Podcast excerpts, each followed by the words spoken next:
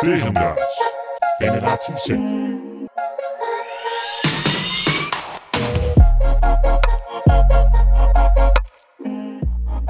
Knal hem erin, per. Ja, sorry, ik zit even... Oké, het viel mij de laatste tijd enorm op.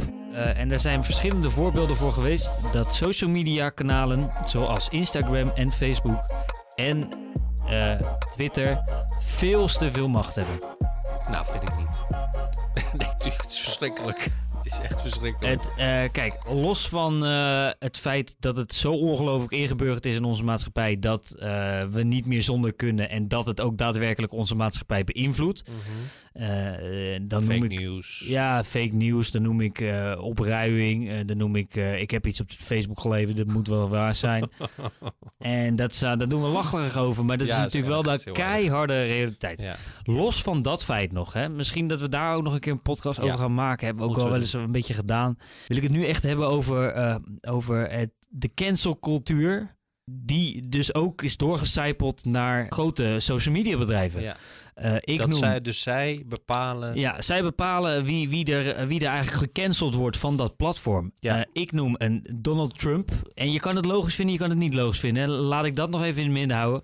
Eh, en, en jongsleden eh, Bilal Wahib en eh Soufiane, of weet ik het hoe die heet. Die andere acteur. Ja, die andere acteur en rapper. Die gasten werden geband van Instagram volledig voor de rest van hun leven. En Heel eh, bizar. dat vind ik te bizar voor woorden Ja. dat vind ik echt niet uit, eh, gewoon niet uit te leggen. Want, Nee. want zij bepalen dus eigenlijk eh, een groot deel van eh, het leven van iemand anders. En zij hebben daarin veel te veel macht. Ja. Eh, zij, niet alleen sluiten ze zulke soort jongens dus af van eh, potentiële inkomsten. Eh, maar ze laten hem ook, hun ook daardoor geen onderdeel zijn van de hedendaagse maatschappij. En dat is eigenlijk wat een corporate, eh, gewoon een bedrijf, een groot miljardenbedrijf kan doen. Ja. Die kan gewoon zeggen, nou, daar stopt het. Jij Ja. mag niks meer op uploaden en, eh, en ja, daar houdt het gewoon op. En ik heb ook een video gekeken over hoe dat kan en ze mogen het ook oprecht doen. Ja, zo, als, platform. Als social media eh, bedrijf mag je inderdaad gewoon onder de noemer van, ja, is het haatdragend, is het pesterij, is het, eh, zeg maar, die hele eh, lijst, waslijst aan dingen, mag je ook gewoon mensen uitsluiten voor je platform. Alleen de vraag is natuurlijk, waar stopt dat? Wat Ja. is de grens? Niet. Er is geen grens nee, dus. De, de, de- het kleinste, geringste ding is genoeg reden voor hun. En Ja. dat wordt eh, inderdaad erger, is al erg genoeg. En ik, eh, ik heb het voorheen heb ik het niet heel veel gehoord. Dan zullen waarschijnlijk echt eh, racisten of, of, of, of echt haatdragende dingen, haatdragende personen en accounts worden geblokt.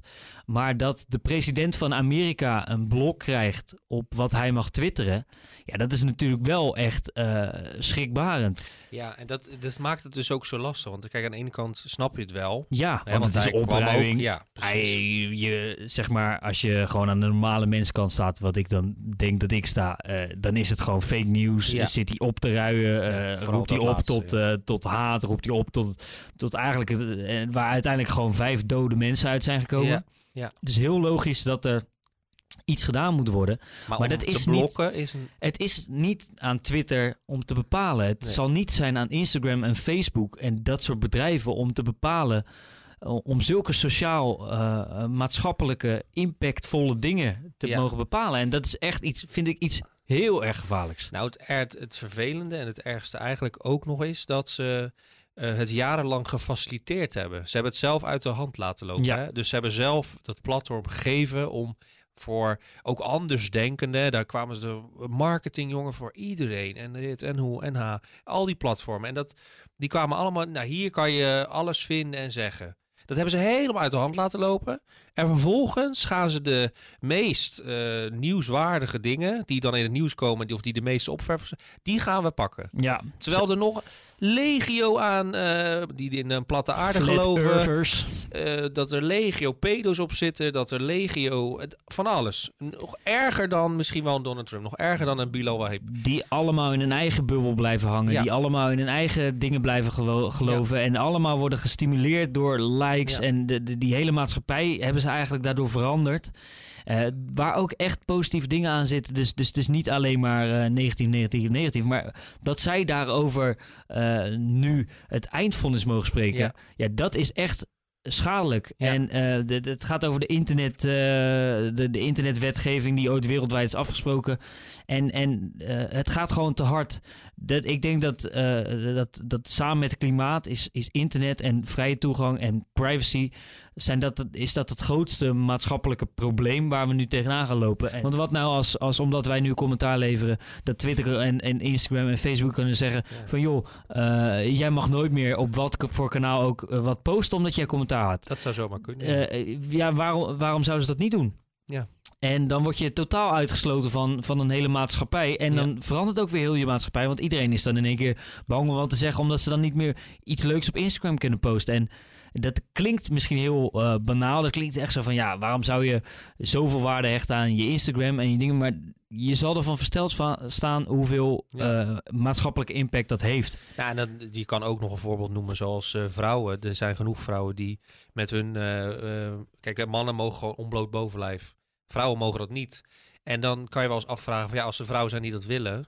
Waarom mogen ze dat niet? Nee, Ja. want dan is het opeens porno. Nou, dat is natuurlijk debiel. Weet je, Ja. want er zijn genoeg vrouwen die dat niet als pornografisch.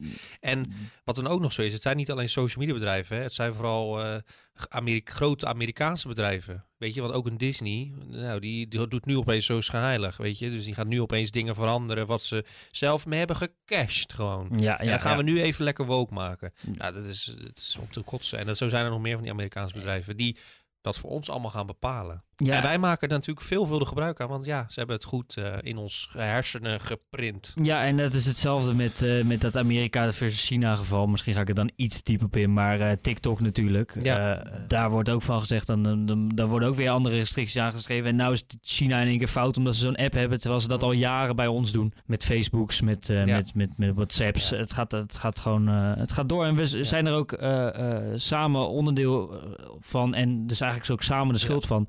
Maar eh, er moet wel iets gebeuren. Ja, En ik weet wel dat wij het eh, niet gaan doen vanuit Nee. de RTV Dordrecht Studio. Nee. Maar eh, het is natuurlijk wel echt een belangrijk punt. nee, wel wat zou je kunnen doen? Ik zelfs denk, ja, je moet het allemaal verwijderen en stoppen ermee. ja, maar dat ga je de maatschappij niet redden. Nee, ja, als iedereen het zou doen, wel natuurlijk.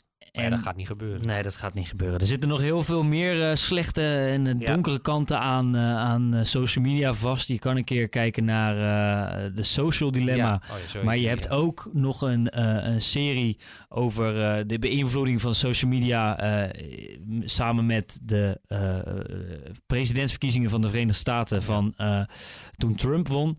Dat is ook nog een hele inspirerende en interessante documentaire. Maar dat is eigenlijk de gevaren die op de loer liggen met Ja. al die grote bedrijven die maar kunnen doen en laten wat ze willen en daar verschrikkelijk veel geld mee verdienen. Ja.